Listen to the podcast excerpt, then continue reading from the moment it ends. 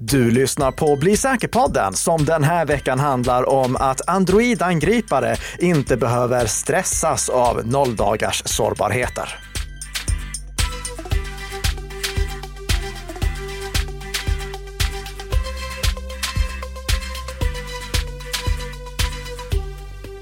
Nej, varför stressa? Det är ju fortfarande sommar. Ja. Även om man inte riktigt kan tro det när vi tittar på vädret.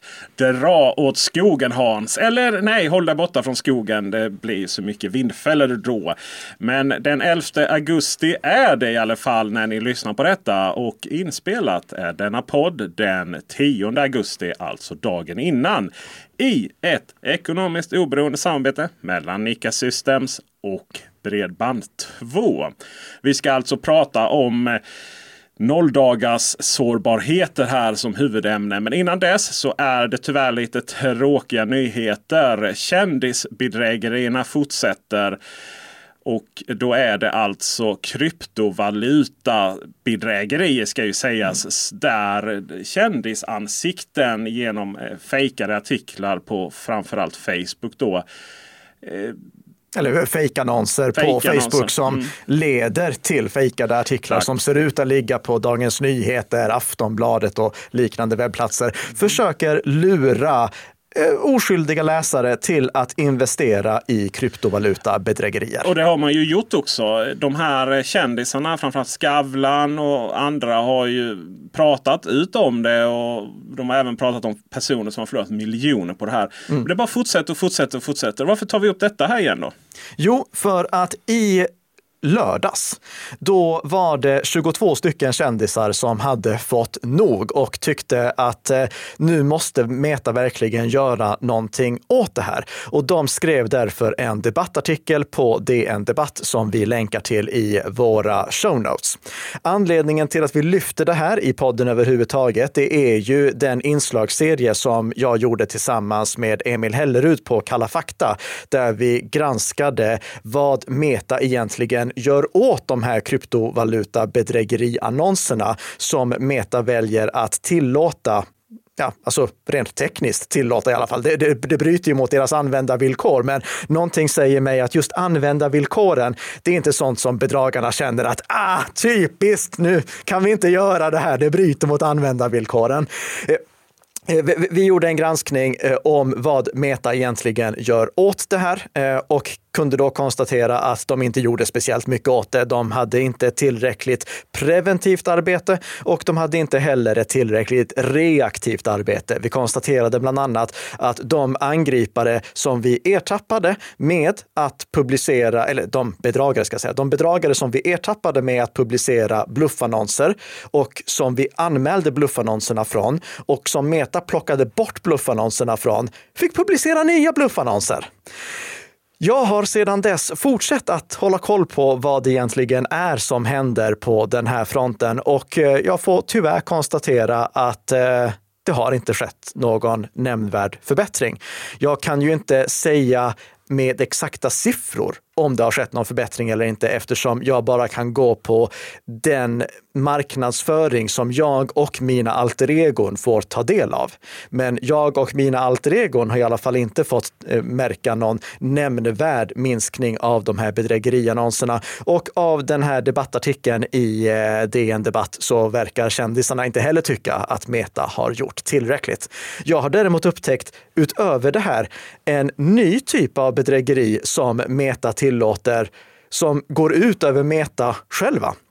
Mer om det kommer nästa eller näst nästa vecka i antingen Bli säker-podden eller ett Youtube-avsnitt. Så prenumerera på podden så att du inte missar det. Prenumerera på Youtube-kanalen också och läs gärna den eh, debattartikel som kändisarna skrev och den uppföljning som eh, sen DN gjorde där bland annat jag och Nationellt bedrägericentrum kommenterar situationen. Länkar finns som vanligt i våra show notes. Vi har ju vissa krav då på våra lyssnare. Ni som lyssnar helt enkelt. Eh, De är inte många men en som är stenhård är ju att ni ska använda Have I been pwned. Precis som mig och Carl Emil Nicke här. Ja. Men vi är inte de enda utan det är ju många som gör det. Allt från enskilda människor till eh, några av de största företagen på planeten närmare hälften av eh, USAs Fortune 500-företag. Det vill säga de 500 största företagen bland annat. Men eh, hur finansieras den här tjänsten som ju helt enkelt håller koll på om några av våra e-postadresser är med i lösenordsläckor? Mm. Det är via donationer. Mm. Och eh, Troy Hunt som ligger bakom den här fantastiska tjänsten som har blivit navet för lösenordsläckor i världen. Eh, om ni inte tror mig och ni tycker, nej men alltså jag använder eh, Firefox Monitor eller jag använder Stöldskyddsföreningen eller jag använder eh, eh, Bitwardens inbyggda funktion för att övervaka min e-postadress om den skulle dyka upp i någon lösenordsläcka eller någon sån här löjlig betaltjänst som är ett ID-skydd inom citationstecken. Ja, kom kritiken fram där igen. Ja, om ni använder någon av de tjänsterna, eh, Firefox Monitor, eh, Stöldskyddsföreningen eller Bitwarden, de får i sin tur sin data från Have I been pwned. Så Have I been pwned, det är databasen som världens lösenordsläckor rapporteras till så att de som har de relaterade e-postadresserna ska få reda på att nu har din e-postadress figurerat i en lösenordsläcka och du bör byta lösenordet till den här webbplatsen och alla andra webbplatser där du möjligtvis har använt samma lösenord. Ah, herregud, samma lösenord på olika webbplatser? Ah, förlåt, det, sånt händer självfallet inte för våra lyssnare. Hypotetiskt. Hypotetiskt. Och alltså, våra lyssnare de känner ju folk som återanvänder samma lösenord. Just det, ja, kompis. Men, Fråga åt en kompis. Ja, exakt. Eh, och personen som eh, medverkar i filmen är inte personen som har skrivit brevet. det kommer bli lite förändring här nu. Det kommer inte bara handla om donationer. Det är det som är lite eh, vad vi vill komma till här. Exakt. Och vi ska sluta med referenser till Bullen från 90-talet. Eh, Okej, okay. vad är det som är för skillnad? Jo, i och med att den här funktionen också har erbjudits gratis till företag, alltså så att organisationer har kunnat registrera organisationens domäner. Till exempel, jag registrerade nickasystems.com och, och då kunde se alla de lösenordsläckor som medarbetarnas e-postadresser figurerade i. Så började det bli lite ansträngt att finansiera det här via donationer och Troy Hunt, som jag sa ligger bakom den här eh, sajten, tror jag att jag sa i alla fall, han har letat efter en mer gångbar finansieringslösning och den fick vi nu den här veckan. Have I been pwned kommer fortsätta att vara gratis för privatpersoner. Och Have I been Pwneds möjlighet för organisationer att övervaka medarbetarnas e-postadresser i kommande lösenordsläckor och mm, befintliga lösenordsläckor kommer vara fortsatt gratis för mer än 60 procent av alla organisationer som redan använder den här tjänsten. Men i riktigt stora bolag där det finns många läckta e-postadresser, då kommer Troy Hunt nu vilja ha en liten slant för att driva den här tjänsten. Och han har byggt det som en fyrstegstrappa, vilket jag verkligen uppskattar. Så beroende på hur stor organisationen är får organisationen betala olika mycket. De allra flesta organisationer, inklusive Nika Systems, fortsätter att betala noll dollar per år. Men om 25 e-postadresser skulle figurera i lösenordsläckor, då går det upp till liksom första prissteget och det blir 35 dollar per år fortfarande de 35 mest välinvesterade dollarna som organisationen kan göra med hög sannolikhet. Och sen fortsätter det så här i en trappa upp till eh, ska se, 1000 dollar per år och då är det obegränsat med läckta e-postadresser. Notera att e-postadresser som figurerar på skräppostlistor, de räknas inte med här, utan det är riktiga lösenordsläckor eller andra personuppgiftsläckor som e-postadressen måste vara med i för att det ska räknas. Men om du som lyssnar på den här podden jobbar på it-avdelningen eller är god vän med någon som jobbar på it-avdelningen, fråga ifall ni övervakar era domäner med Have I been pwned? Och om ni inte gör det, börja göra det så att ni får koll på era lösenordsläckor. Och det här är alltså ett krav enligt den jätteofficiella Nika Systems-standarden. Det, det, det, är inte många tjänster som det är krav på att köpa, men det här är krav faktiskt. Och som sagt, det är gratis för de allra flesta. Och för att förtydliga så det blir en automatisk avräkning där. Det är ju alltså e-postadresserna som i läckor, inte hur många e-postadresser man har nej. under sin domän och sådär, anställda och så, utan det är ju läckor. Exakt. Du registrerar alla de domäner som organisationen har och sen räknas det automatiskt per, alltså för hur många lösenordsläckor som som de här e-postadresserna har varit del av. Så du behöver inte ladda upp en lista med alla e-postadresser. Du registrerar domänen och sen så sköter den här applikationen resten. Eh, I och med att det nu är en betaltjänst så finns det lite bonusfunktioner också, som till exempel API-stöd för de som vill bygga in det i organisationens egna verktyg. Men det är sånt som ni kan kolla på i den länkade artikeln om Just, ni vill göra det. Precis, och nu ska vi prata om mitt favoritskydd för det är så vackert namn. Mm. Mark of the Web. Jag får sådana Zelda-referenser. För det har ju varit patch-tisdag. Mm. Vad härligt va? Ja. Och eh, Microsoft bland andra. De eh, har åtgärdat 87 sårbarheter varav eh, två aktivt utnyttjade nolldagars sårbarheter. Och vi börjar väl med CVE 2023 36 8 8 4. Mm. Klassikern. mm, det är alltid lika roligt ja, att konstatera. Ja. Nej, men, eh, jag eh, bläddrade i vanlig ordning igenom vad det var för några intressanta saker som dök upp i eh, månadens patch-tisdag och just den här CVE 2023 36 884, den är extra intressant. Dels för att det är eh, en av de här två aktivt utnyttjade nolldagars sårbarheterna och dels för att Microsoft har skrivit en intressant sak om just den här sårbarheten. Microsoft skriver i sin publika dokumentation, citat på engelska. In an email or instant message attack scenario, the attacker could send the targeted user a specially crafted file that is designed to exploit the remote code execution vulnerability. Sen hoppar vi lite i citatet. An attacker could plant a malicious file evading mark of the web defenses which can result in code execution on the victim's system. Slutcitat. Och det här är en sårbarhet som egentligen ligger i Windows Search, men är någonting som möjliggörs i kombination med en sårbarhet i eh, Microsoft Office-paketet. För Microsoft skriver också så här i en annan artikel där de frågar sig själva ifall en uppdatering till Microsoft Office är relaterad till den här specifika sårbarheten. Citat på engelska igen. Yes, this defense in depth update is not a vulnerability update, but installing this update stops the attack chain leading to the Windows Search Remote Code Execution vulnerability CVE 2023 36 884. Microsoft recommends installing the Office updates discussed in this advisory, as well as installing the Windows updates from August 2023. Slutcitat. Vad är det vi har läst nu? Jo, det finns alltså en sårbarhet som gör att angripare kan förse en eh, medarbetare med ett skadeprogramspreparerat Office-dokument.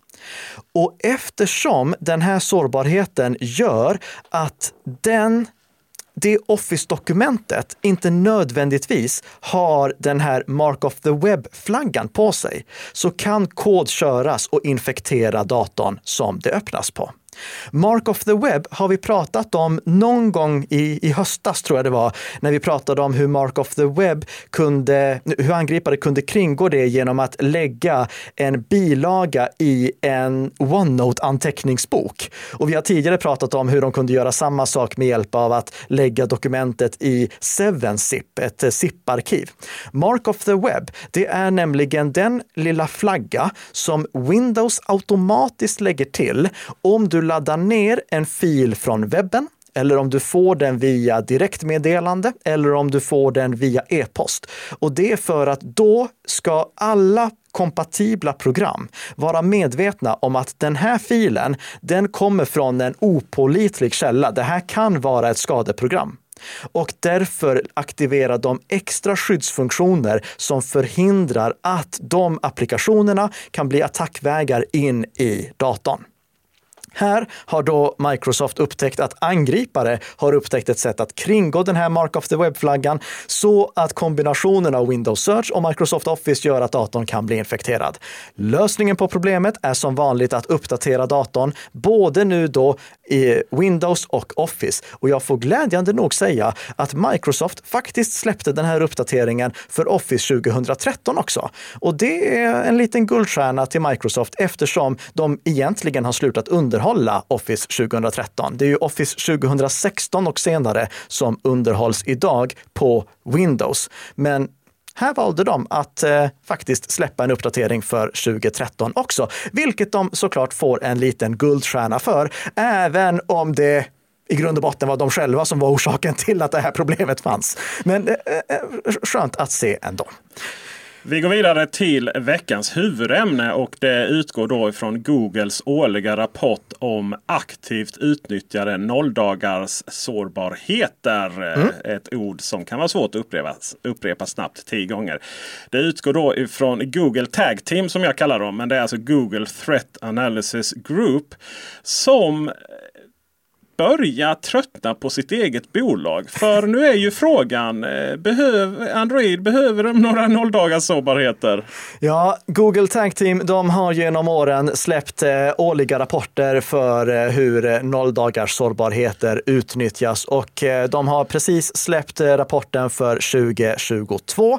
Vi lägger självfallet en länk till den i våra show notes, men den innehöll några så intressanta saker att jag tänkte det här måste vi prata om i veckans huvudämne ämne. För här har vi konkret exempel, ett konkret exempel på hur Google riktar kritik mot Google. Och framför allt Googles partners. Google ställer sig nämligen frågan, citat, Are zero days needed on Android? Slutcitat. Alltså, behövs nolldagars sårbarheter på Android ur angriparnas perspektiv? Behöver angriparna dra nytta av nolldagars sårbarheter, alltså sårbarheter som eh, är eh, kända utan att det finns någon patch som åtgärdar dem, för att kunna utföra sina attacker? Och vi får två stycken konkreta exempel på Nej, det behöver de egentligen inte. Och det är på grund av de fördröjningar som finns i utrullandet av åtgärder för sårbarheter i Android. Eh, Google skriver att eh, vi måste mind the gap, alltså du vet eh, ehm, eh, se upp för avståndet mellan vagn och plattform när du kliver av. För det här avståndet mellan att sårbarheter upptäcks och att det faktiskt är utrullat och installerat säkerhetsuppdateringar som åtgärdar sårbarheterna. Det är för långt. Det, det är ett för stort avstånd. Och Google, de skriver själva så här i just den här rapporten, citat på engelska. In 2022, across the Android ecosystem, we saw a series of cases where the upstream vendor had released a patch for the issue, but the downstream manufacturer had not taken the patch and released the fix for users to apply. Sen hoppar vi lite i citatet. These gaps between upstream vendors and downstream manufacturers allow for N days, vulnerabilities that are publicly known, to function as zero days because no patch is readily available for the user and their only defense is to stop using the device. While these gaps exist in most upstream downstream relationships, they are more prevalent and longer in Android. Vi tar två stycken konkreta exempel som sagt och den första sårbarheten den berör Mali-GPU-erna. Vi har ganska god insyn i just den sårbarheten som vi ska prata om nu, som heter CVE 2022 3881, med anledning av dels en väldigt bra rapport från GitHub Security som heter Poning the All Google Phone with a Non-Google Bug. Och med det syftar de på Pixel 6, för du vet Pixel 6 den använder Googles egen systemkrets. Systemkretsen är det som kombinerar processorn, eh, grafikprocessorn och liknande. Eh, den använder Googles egna system eh, krets eller system on a chip. Men grafikprocessorn, den är inte Googles egen, utan det är just den här Mali-grafikprocessorn, Mali-GPUn. Sen vet vi också en hel del om konsekvenserna av den här sårbarheten tack vare en annan artikel från Google Tag Team, nämligen Spyware vendors used zero days and end days against popular platforms. Och jag kommer nu plocka ut lite godbitar ur de här för att förklara vad var det som möjliggjorde den här attacken och vilka blev konsekvenserna konsekvenserna. Vi börjar faktiskt med det sistnämnda, konsekvenserna. Citat på engelska. In November 2022, TAG discovered exploit chains with zero days affecting Android and iOS that were delivered via Bitly links sent over SMS to users located in Italy, Malaysia, and Kazakhstan. When clicked, the links redirected visitors to pages hosting exploits for either Android or iOS, then redirected them to legitimate websites such as the page to track shipments for Italian-based shipment and logistics company BRT or a popular Malaysian news website. Slut citat. Vad var det som hände här? Jo, vi hade alltså angripare som satte upp en eh, attackpreparerad webbplats och de lurade in besökare till en av sidorna på den här webbplatsen genom att skicka Bitly-länkar i sms. Och Bitly-länkar är ju sådana här kortlänkar så att man inte direkt ska se vilken adress det är som eh, man kommer till. Eh, vilket är skälet till att inga organisationer någonsin ska använda Bitly-länkar i sms. Det är kanske någonting det viktigaste att ta med sig, ni som jobbar med det. ja, och vad hände då när användarna råkade klicka på den här länken? Jo, då hamnade användaren på den attackpreparerade webbplatsen och där blev mobilen infekterad utan att användaren behövde göra någonting. Och sen skickades användaren vidare till antingen den här postsidan eller eh, nyhetssidan. Egentligen ska du inte kunna bli infekterad bara av att besöka en webbplats. Det, det, det, alltså, Eh, omfattningen av det problemet, det är väldigt litet idag tack vare de skydd som vi har i våra webbläsare. Våra webbläsare ser till att vi inte blir infekterade. Men det gäller ju under förutsättning att vi håller våra enheter och deras webbläsare uppdaterade. Och vad tror ni det var som föll? Jo, just uppdateringen. Men inte på grund av att användarna slarvade, utan på grund av att tillverkarna slarvade. Nu ska ni få en liten översikt över allting som hände. Vi börjar den 12 juli 2022. Då rapporterade GitHub Security Lab den här sårbarheten till Android Security-gänget. Sen hoppar vi till nästa månad, augusti 2022. Då hänvisade Android Security-gänget vidare ärendet till ARM-gänget, de som ligger bakom Mali-GPU-erna eftersom det var specifikt för deras kretsar. Sen den 7 oktober då släppte ARM en säkerhetsuppdatering som åtgärdade sårbarheten och ville ha ett koordinerat tillkännagivande för de involverade parterna den 23 november. Men i november, då börjar de första attackerna synas till. Då börjar angripare använda den här sårbarheten för att infektera mobilerna. Sen får vi hoppa fram till den 5 januari 2023. Nu är vi alltså framme i år, ett halvår senare. Då åtgärdar Google den här sårbarheten i Pixel deras pixelmobiler. Sen får vi hoppa fram till den 3 april. Då eh, publicerar Google information om den här sårbarheten i månadens Security Bulletin. Det är den publikation som vi brukar hänvisa till när vi pratar om de sårbarheter som har åtgärdats i Android. Partnertillverkare de får ta del av den här informationen minst en månad tidigare. Men sen måste vi hoppa hela vägen fram till maj 2023 innan Samsung adresserar sårbarheten i sin månadsuppdatering. Och häng med nu. Det här var alltså en sårbarhet som upptäcktes i juli 2022 som vi vet att har använts i attacker sedan november 2022 och som Samsung börjar åtgärda maj 2023. Och anledningen till att jag säger börjar, det är ju att Samsung, de, de säger visserligen att eh, deras mobiler får eh, säkerhetsuppdateringar i minst fyra år från lansering. Men anledningen till att jag ändå inte kan rekommendera dem för organisationsbruk, det är ju att Samsung inte garanterar hur snabbt de kommer åtgärda de här sårbarheterna. Google rullar ut sårbarhetsåtgärder till, jag höll på att säga Google rullar ut sårbarheter. Google rullar ut sårbarhetsåtgärder till sina pixelmobiler varje månad. Men Samsung, de rullar ut eh, åtgärder till vissa mobiler på månadsbasis, till andra mobiler på kvartalsbasis. Till exempel flera modeller från 2021, de får nu bara kvartalsvisa säkerhetsuppdateringar och vissa mobiler halvårsvis uppdateringar.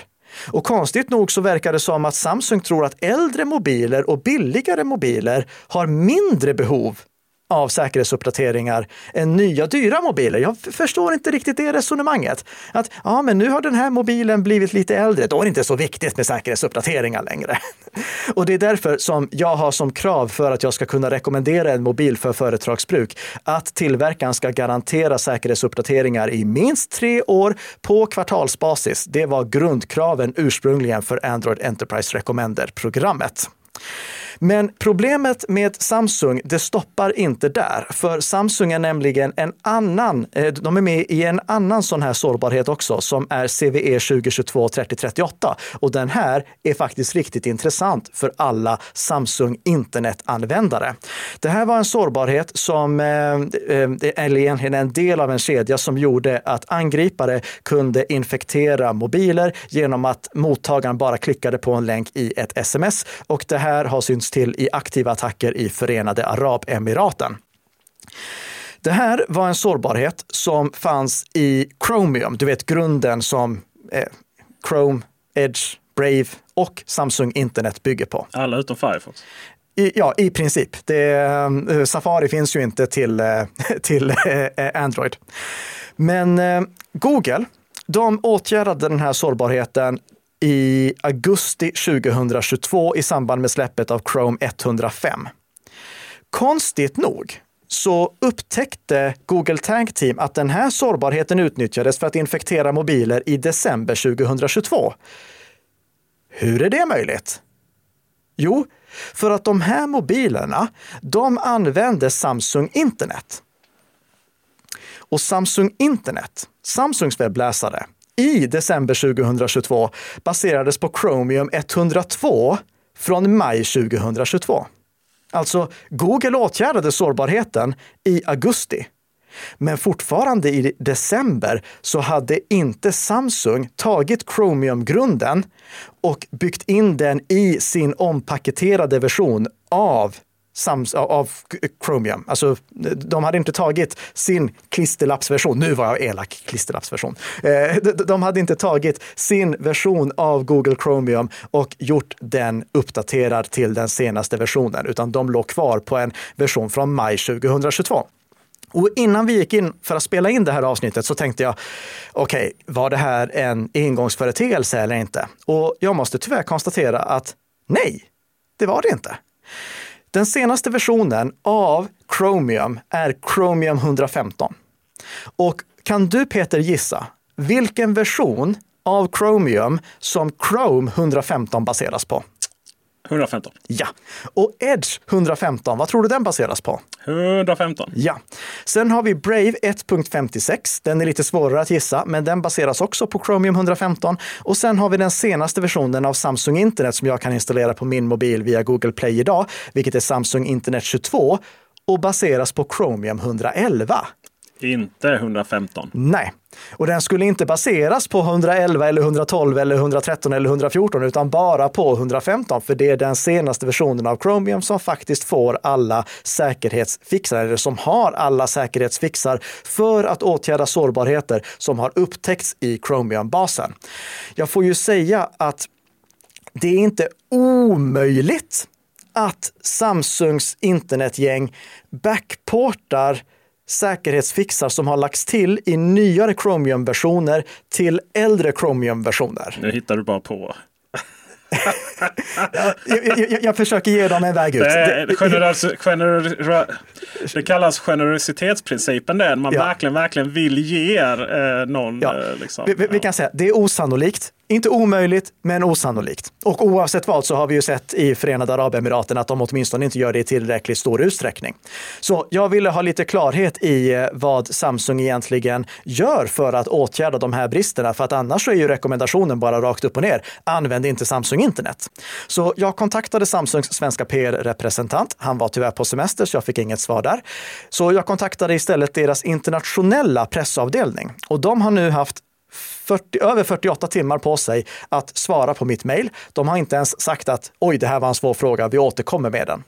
Så eh, jag får väl säga att eh, rekommendationen som vi drar av det här för privatpersoner, det är använd inte Samsung Internet. Om du vill ha en Chromium-baserad webbläsare, kör Chrome eller Edge eller Brave istället för att tillverkarna bakom de webbläsarna underhåller vilken Chromium-version som deras Chrome paketering med ett klistermärke ovanpå. Vi ska Egentligen använder. Ja, precis. I vilket sammanhang hamnar man med Samsung Internet? Det är standardwebbläsare innan man hunnit byta va? Ja, det, och det är många som använder eh, standardwebbläsaren på sin telefon och standardwebbläsaren på Samsungs mobiler är Samsung Internet. Och till Samsung, om ni inte vill underhålla er webbläsare, strunta bara i att göra er egen. Det, skeppa mobilerna med Chrome eller Edge istället, eller Brave för den delen. För rekommendationer så får jag också säga att det finns en annan rekommendation och det är den som vi har haft tidigare, nämligen köp bara pixelmobiler om ni vill ha Android-mobiler i organisationen, för de underhålls ordentligt. Samsung-mobiler underhålls också men inte lika bra som pixelmobilerna. Samsung är bättre än många konkurrenter, men det här gör ju svårt att ha Samsung-mobiler i organisationen när vi ser de här sakerna.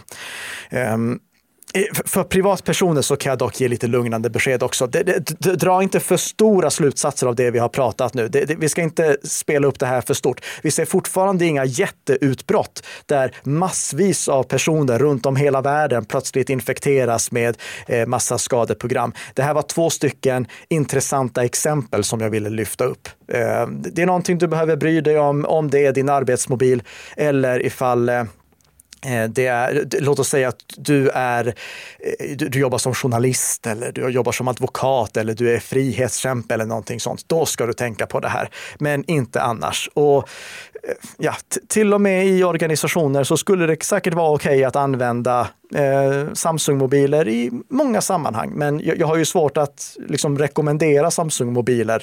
De är så mycket dyrare också. Så det ja, finns ju, och det är mer bloatware och så vidare. Så, bortsett, ja alltså, pixeltelefoner gäller ju i så många olika sammanhang. Till och med när du ska ha den till Instagram. Alltså är det liksom trevligare kameror, inte hårdvaror men mjukvarumässigt. Ja, så köp Pixel. Eh, där, där hade vi lite konkreta rekommendationer. Och varför har vi de konkreta rekommendationerna? Jo, det är ju på grund av det som Google själva skriver. Kom ihåg, det här är inte jag som säger, det här är Google som säger när de beskriver problemet med att det tar för lång tid för eh, tillverkarna att rulla ut uppdateringarna. Citat.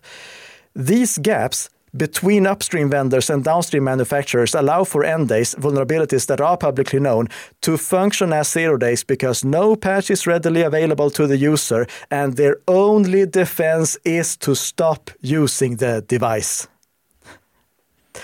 Ja. Taget. Det är taget. Det Köp Pixel på företaget, använd inte Samsung Internet privat och eh, kör vilken annan Chromium-baserad webbläsare du vill. Det, du, du, får välja fritt. Och du får välja fritt också när det gäller vilken poddspelare du vill ha. För oavsett vilken poddspelare du väljer så kommer du alltid hitta ett nytt avsnitt av Bli säker-podden i den varenda fredagsmorgon för att bli lite säkrare för varje vecka som går.